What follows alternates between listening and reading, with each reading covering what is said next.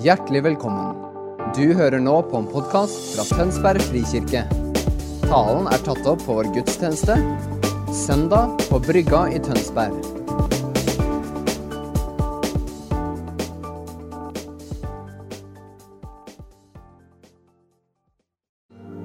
Du er helt nær hver eneste en av oss.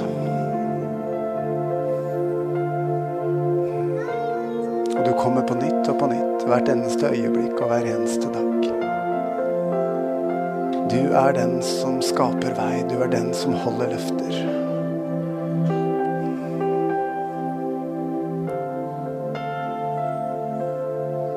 Jesus, velsigne oss ved inngangen til det nye år. Med all åndens velsignelse fra himmelen. Utrust oss, Herre, ved din ånd og ved ditt ord.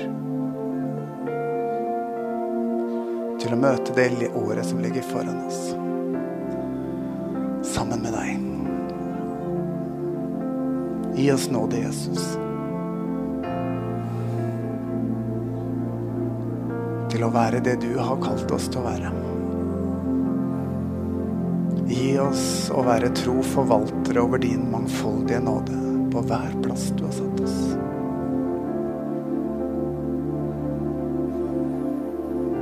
Takk, Jesus, at vi får kjenne deg, tro på deg og følge deg. Hellige Ånd, må du gjøre ordet ditt levende denne formiddagen. Veiled min munn og min tanke, og åpne hjertene, Herre, ved din ånd. Så ditt liv, Jesus, får lov til å strømme.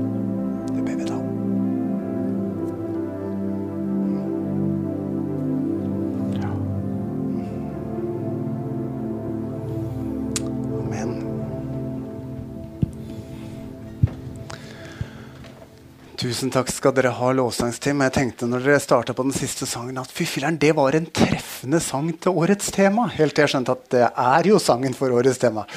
Ja. Eh, skrevet av Christian Hesselberg for et tiår eller to siden, faktisk. Eh, jeg skal åpne og prøve å spenne ut et ganske sånn stort bilde eh, for oss denne formiddagen. For jeg skal altså gi en intro til et tema som skal følge oss et helt år. Og da tenker kanskje noen ja, da trenger jeg bare gå i kirka av og til, for da vet jeg hva som skjer. Men det er feil. Vi har et spennende år foran oss. Um, som vi har lagt opp og planlagt kanskje mer, mer nøye enn noen gang før. Denne våren skal vi gå gjennom først andre Timoteus brev, så Titus brev, og så andre Peters brev. For å se hvordan skriver Gud sin historie gjennom disse mennenes liv i troskap mot hvem han er i det første århundret av kirkens liv. Her er det masse for oss som er like relevant i dag. For det er mye det skal jeg komme tilbake til om et øyeblikk, som ser ganske likt ut på den tida rett etter oppstandelse og himmelfart og i vår tid. Men jeg skal komme tilbake til det. I tillegg til å gå inn i ordet, så skal vi denne våren også møte portretter av noen av det vi kaller vekkelsesbærerne. Noen av de folka som Gud har fått lov til å bruke mektig til å velsigne veldig mange mennesker. Noen av de personene som, som sa ja til Gud, koste hva det koste ville.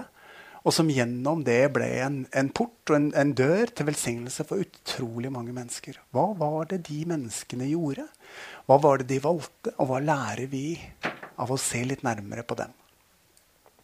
Til høsten skifter vi litt fokus under samme tema. Da kommer vi til å se på bibelske personer. Vi skal gå tett på Moses, på David og på Daniel. Men istedenfor vekkelsesbærere så skal vi få på scenen noen av dere. Sette dere her i en godstol sammen med en av oss og høre hvordan skriver Gud sin historie i ditt liv og ditt liv og ditt liv. For at vi skal få øye på det som hele tiden er sant. Nemlig at Gud er historiens Gud. Gud er historiens herre. Han startet, og han har tenkt å fullføre dette prosjektet som vi kaller vår verden og vår virkelighet. Og det modna seg fram for oss i Eldsteråd og stab når vi jobba med tematikken for det året som ligger foran oss, at dette blir viktig. Skriv din historie med mitt liv, Gud. Gud, koble oss igjen på din agenda. Fordi at så mye i det vi kan kalle tidsånden, kobler oss på en annen agenda. Eller min egen agenda. Og så mister vi en del ting ut av bildet. Og det er en del ting som er selvsagt så lenge vi holder for sant at Gud skriver sin historie, som ikke lenger er så selvsagt når vi mister hans historie ut av syne. Og det skjer ganske umerkelig. Og dere, Vi er i en tid som kalles eh, de store ismenes eh, forfallstid. De store meningsbærende sannhetene er i ferd med å bli borte. Det, alle idehistorikere er enige om det. Vi kjenner til begrepet 'den postmoderne virkeligheten'. Og hva kjennetegner den postmoderne virkeligheten? Jo, den store meningsbærende fortellingsbuen som gir det enkelte menneskets fortelling mening, blir borte. Og så blir ikke lenger Gud sentrum, men jeg blir sentrum. Og alt som er viktig og relevant, er det bare i den grad det kretser rundt det navet som er mitt liv. Er dere med? Plutselig blir ikke etikken med, um, Plutselig har ikke etikken lenger utgangspunkt i hva er sant, hva er rett, men hva kjennes riktig? Hva er bra for meg? Hva vil jeg? Ser dere? Hvordan perspektivet endres fordi at den overbærende fortellinga blir borte. Og dere, det er noe universelt. Det er ikke bare 2020 eller vår tid. Men sånn har det alltid vært i hele menneskets historie. At når mennesker har det godt, så glemmer de den store fortellingen. Og så blir vi hovedfortellingen selv. Les Bibelen fra A til Å, så ser dere det.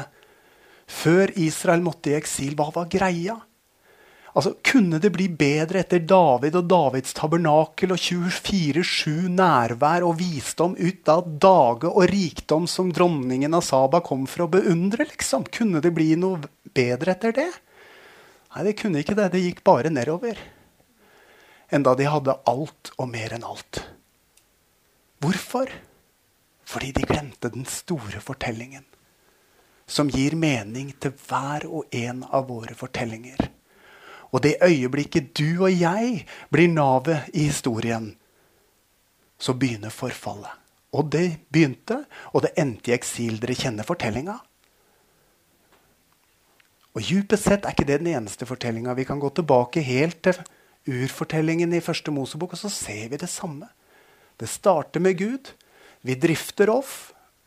Og Gud må ha en ny ristart. Og så er det på'n igjen.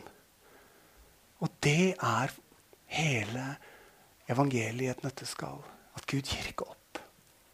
Det er julas budskap. Han kom til en verden som for lengst hadde vendt han ryggen. Og han venta ikke å møte jubel. Han kom til sine egne, men hans egne tok ikke imot ham. Men de som tok imot ham, de ga han rett til å bli Guds barn de som tror på navnet hans. Og så var det en ny restart og en ny mulighet til å koble seg på historiens herre, som gir hver og en av våre liv en total mening som vi aldri finner uten den påkoblinga. 2020, dere, er en tid hvor vi samfunnsmessig, materielt, velstandsmessig er på høyden som aldri før.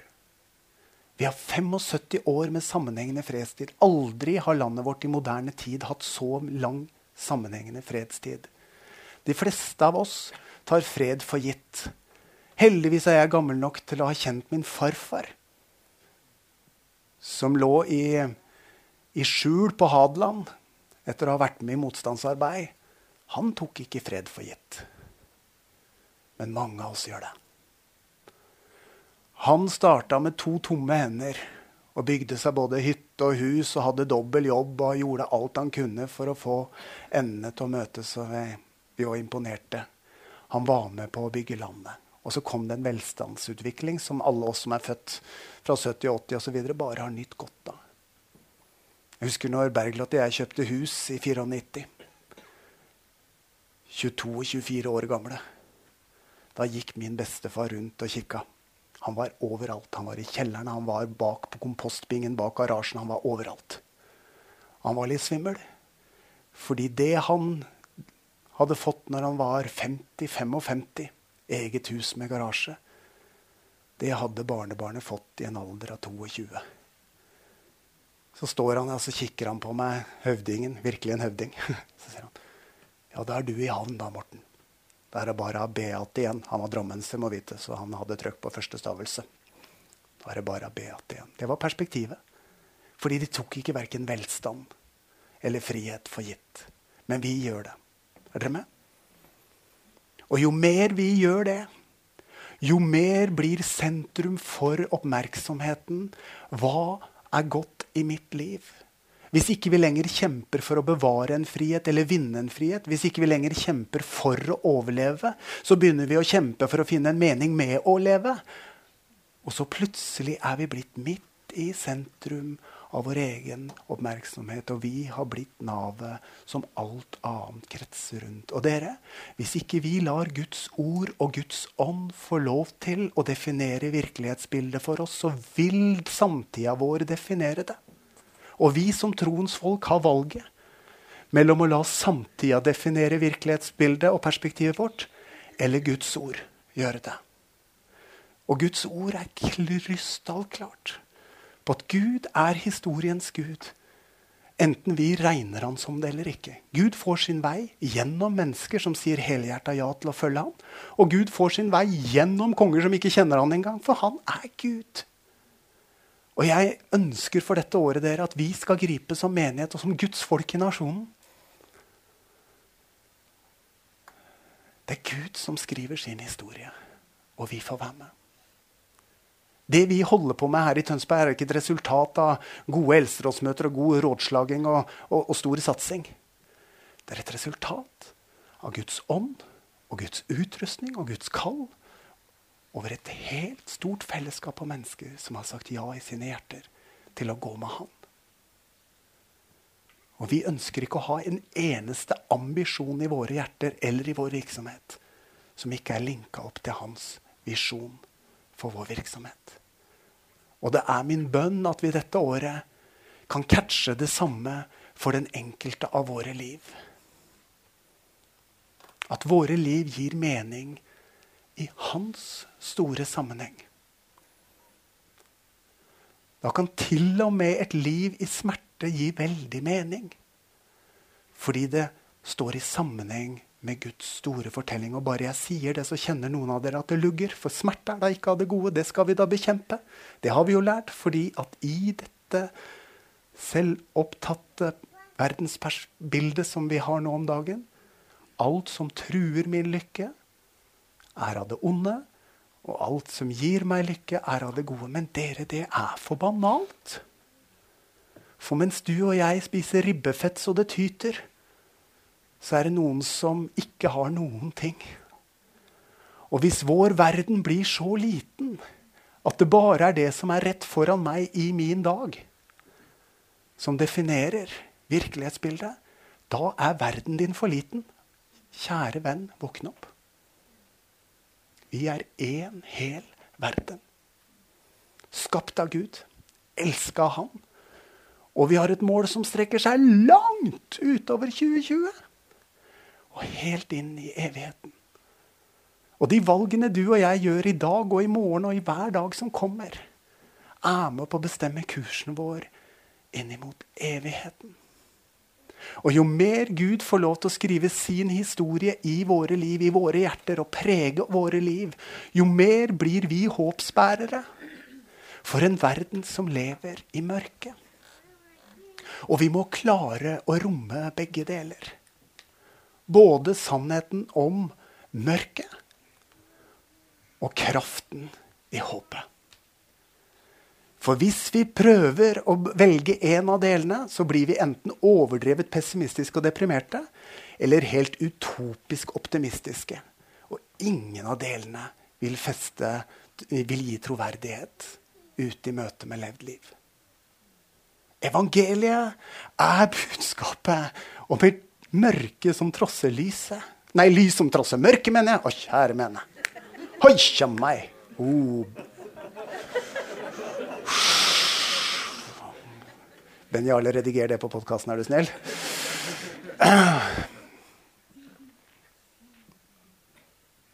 Om en sannhet som er sterkere enn løgnen. Om et liv som skaper vei der det bare er død. Og dere, for noen av oss så kan vi si halleluja, vi har erfart det egne liv. Vi har fått en helbredelse vi ba om. Vi har fått et bønnesvar vi ba om. Mens for andre så er virkeligheten at vi fikk det ikke. Og vi gikk i grava med et håp vi ikke så innfridd. Tapte vi da? Det kommer an på hvilket verdensbilde du har. Hvis din virkelighet kretser om deg som Nav, så tapte du.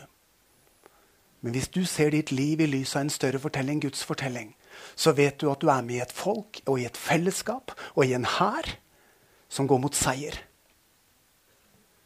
Tapte vi eller vant vi andre verdenskrig?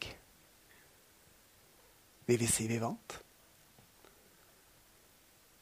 Led vi tap under andre verdenskrig? Skjønner dere hvor jeg vil?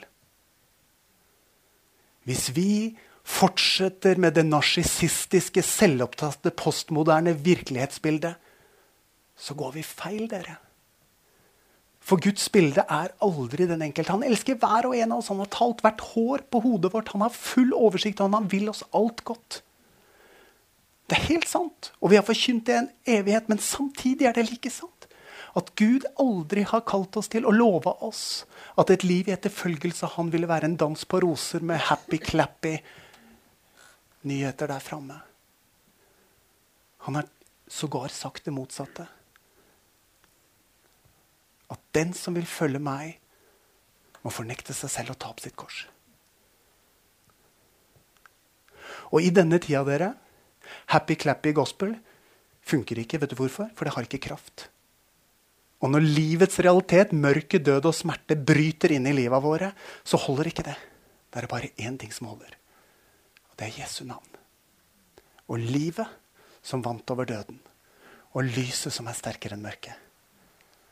Og det er dette som er min bønn, dere. At vi som menighet skal favne i stadig større grad ved å be bønnen Gud, skriv din historie i mitt liv. Sett mitt skript i sammenheng med ditt store skript. Sånn at mitt liv gir mening her og nå. Enten det er dager som er vakre og gode, eller det er dager som er utfordrende. I tillit til at Han som vet morgendagen, bedre veileder mine skritt enn jeg selv gjør det. Fram til den framtida som vi har foran oss. Ved inngangen til 2019, 2020 så rammes på en måte nasjonen vår av en kollektiv sorg hva? i møte med Ari Behns bortgang. Det er ikke til å komme unna. Og det på tross av at han ikke egentlig mens han levde, var en folkehelt. Men han blir en symbolbærer, dere, på noe som er sant, og som jeg vil at vi skal ta inn over oss. Mørket er en realitet.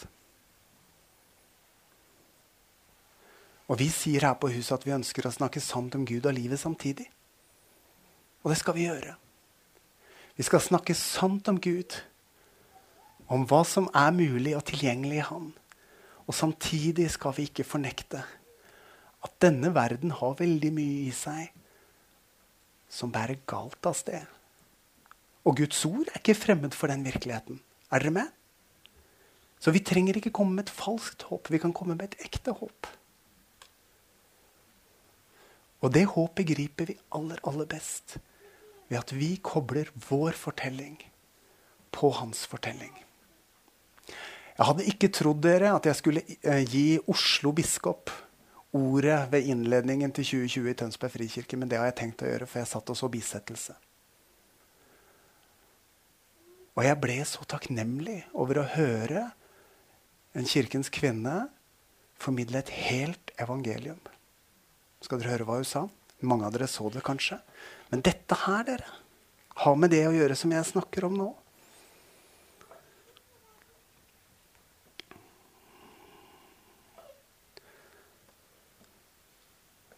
Kari Weiteberg sier vi må ta erfaringen av det sammensatte og vanskelige i livet på alvor.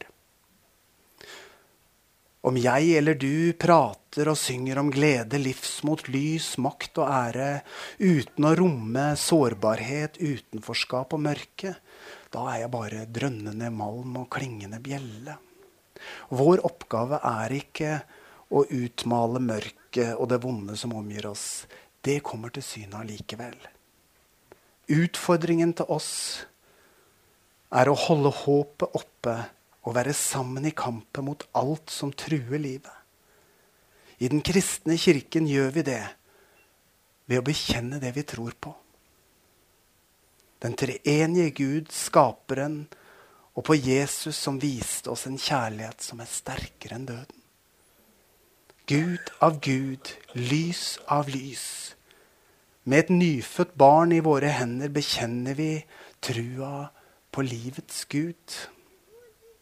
Og i tillegg har vi behov for å forsake det som truer livet. Jeg forsaker djevelen og alle hans gjerninger. Sier biskopen i begravelsen med hele kultureliten og kongehuset og vår nasjons lederskap samla. Og jeg kjente jeg takka Gud for at hun fikk nåde til å si akkurat det. For dere, Uansett hvor vi er i våre liv, så er dette sanne ord om vår verden og vår virkelighet. Og det biskopen gjorde, var å redefinere virkeligheten, sånn at Guds fortelling blir den overbærende fortellingen. Og at våre liv tolkes og gis mening i lys av det. Så derfor, dere, årets tema som et motkulturelt tema som skal hjelpe oss som Guds folk til å ha det perspektivet på våre liv som enkeltmennesker, på vårt liv som trosfellesskap og menighetsfamilie, som er Guds perspektiv. Jeg har masse håp og tro og begeistring og glede ved inngangen til et nytt år. Det står ikke i motsetning til den kulturanalyse som jeg nettopp har delt med dere, som kanskje høres litt mørk ut. Men dere, vi fjerner ikke mørket ved å fortie det. Vi fjerner mørket ved å skru på lyset. Et problem blir ikke borte når det rulles inn under teppet, men når det kostes ut og fjernes. Og vi er utrolig privilegerte som Guds folk. Som får kjenne Jesus Kristus. Som får ta imot nåde, tilgivelse, tro og håp og nytt liv hver eneste dag. Og alle disse ordene er sånne store åndelige ord med en hel preken knytta til hvert av ordene, og vi tar dem for gitt. Fordi vi har levd i den virkeligheten så lenge at vi nesten ikke har kontakt med hva det vil si for alle de som lever uten den virkeligheten. Og det er til de vi er sendt. Og det er det vi skal se på i dag, når vi om, om litt vender blikket over til, til andre Tim 1. Og det er ikke mye tid jeg har igjen, tror jeg. Er det vel det? Jeg har brukt hele tida på intro. Å, herlig freden. Ja, men det er greit, altså. Da blir det harelabb på resten. Men det var viktig for meg å tegne dette bildet, sånn at vi skulle skjønne hva som er siktet og perspektivet for dette året. Skal vi slå følge på den veien, dere? Jeg gleder meg til det året. Jeg gleder meg til å høre dere sette deres ord på hvordan dere opplever at Gud skriver sin historie i ditt liv. Bilde to. Et bærende bibelsk motiv for at dette i det hele tatt skal gi mening, er et ord som jeg har stadig vært i sammen med dere. Og det er første, andre kor tre. For her stå, sier Guds ord tydelig Dere viser at dere er Kristi brev. Blitt til ved vår tjeneste. Det er ikke skrevet med blekk, men med den levende Guds ånd. Ikke på steintavler, men i hjerter, på tavler av kjøtt og blod.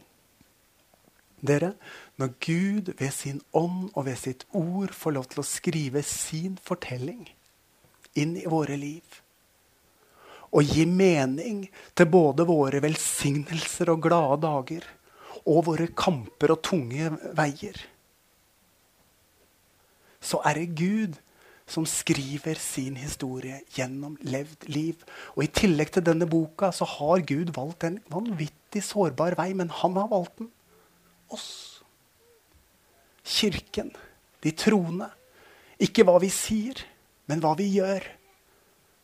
Se hvor de elsker hverandre, skulle være tegnet. Ja.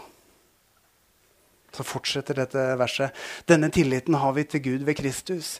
Vi er ikke selv i stand til å tenke ut noe på egen hånd. Det er Gud som gjør oss i stand til det.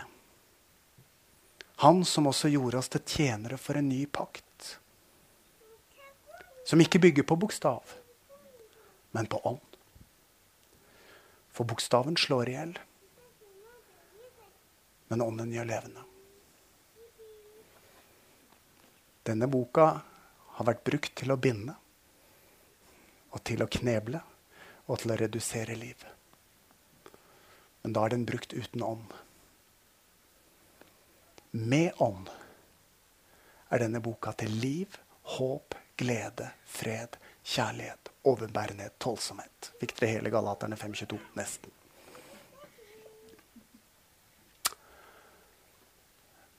Det betyr ikke at vi kaster vrak på Guds ord.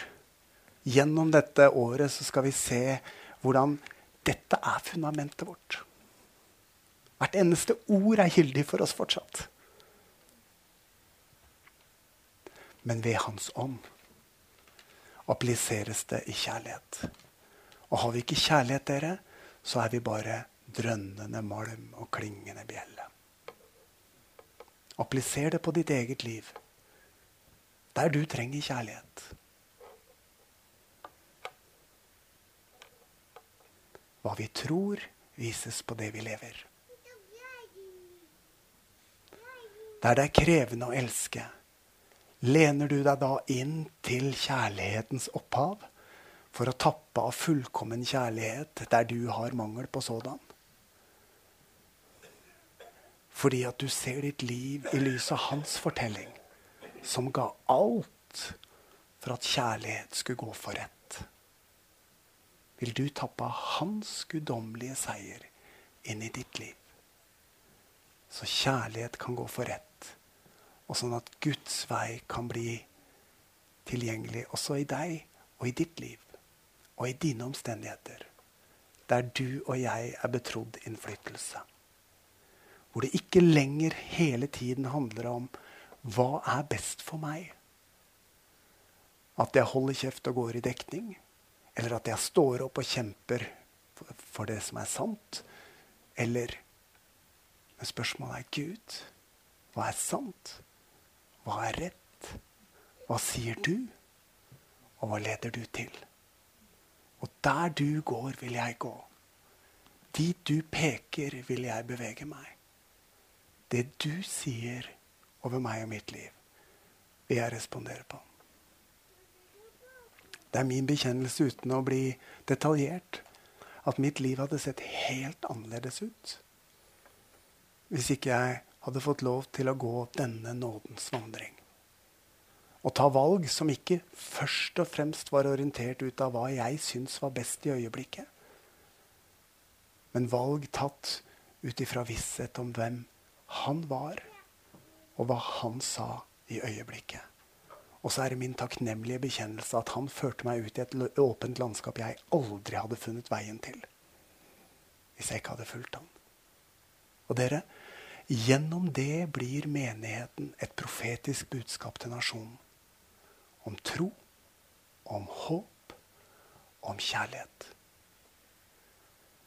Verden der ute har ikke lyst til å høre på folk som har hørt en fortelling av noe de aldri har erfart, men som de tror er bra.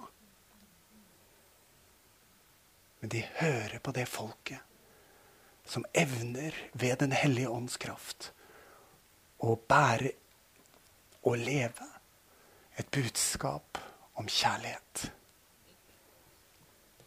Vår samtid tror at kjærlighet er sex og sex er kjærlighet, og det har bomma så inderlig. Og vi vet det. Kjærligheten er noe helt annet enn kropp. Og vi trenger å gripe det. Og vi trenger å eie det. Og vi trenger å leve det. Og vi trenger ikke være trengende. Vi trenger bare erkjenne at vi trenger det. Og orientere oss mot Han som er vår far og all god gaves giver. Så har vi overflod og mer enn nok av det vi trenger ute det nye året.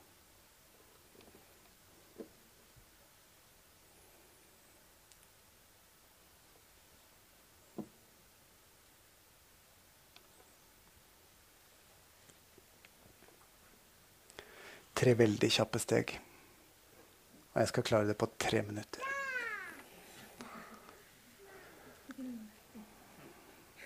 Bilde fem.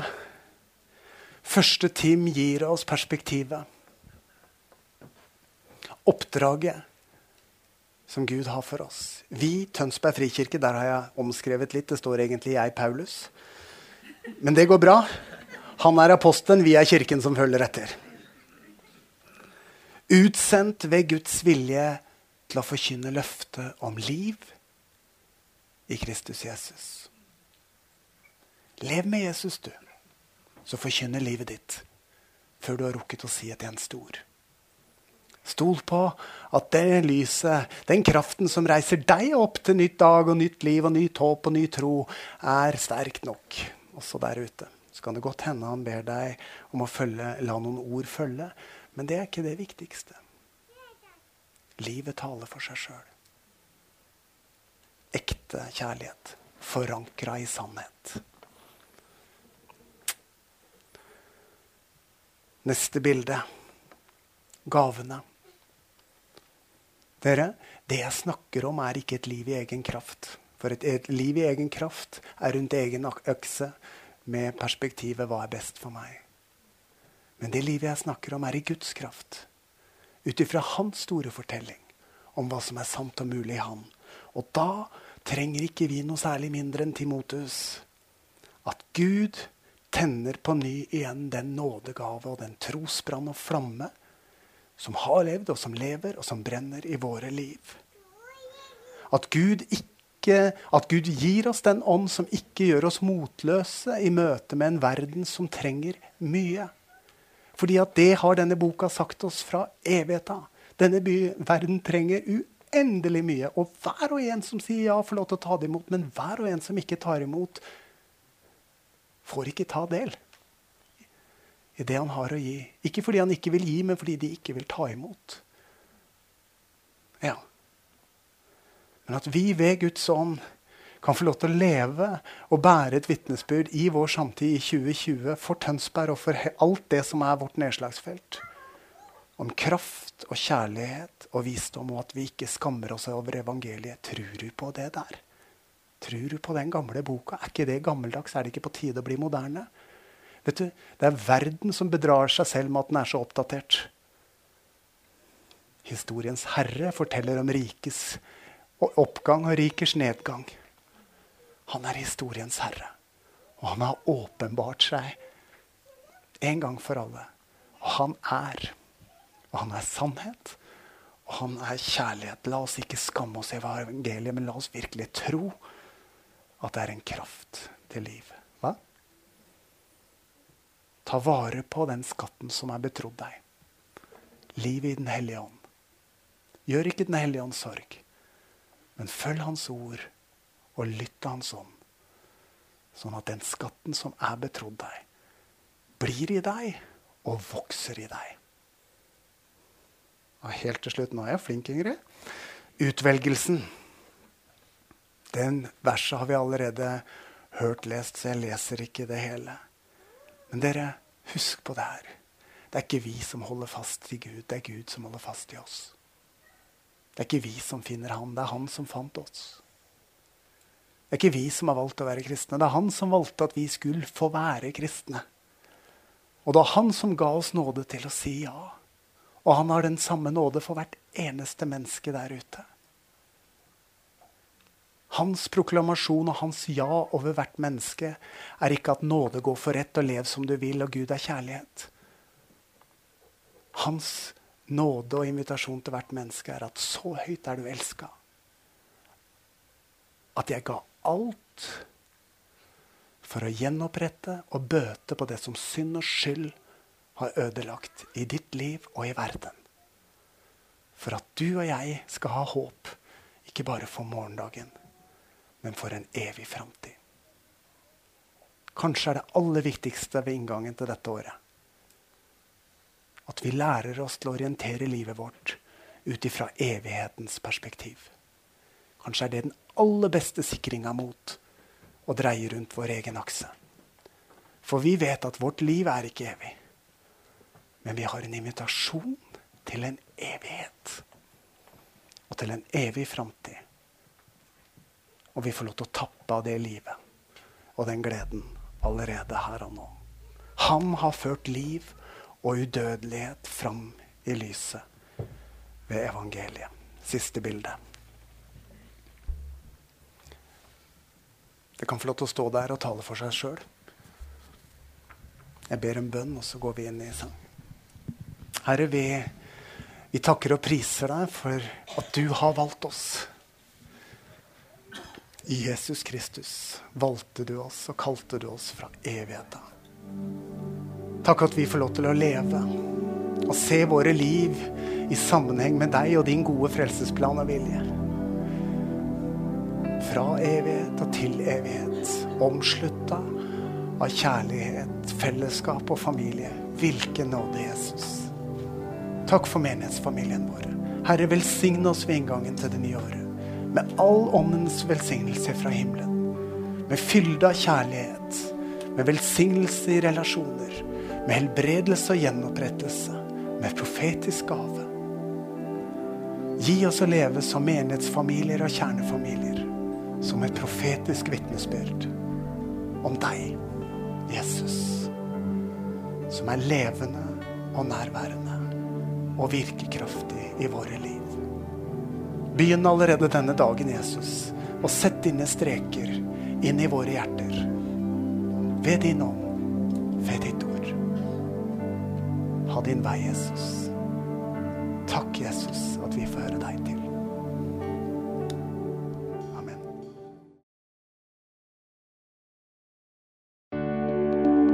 for at du hørte på vår podkast. Har du spørsmål eller ønsker du å vite mer? Søk oss på vår nettside tonsbergfrikirke.no.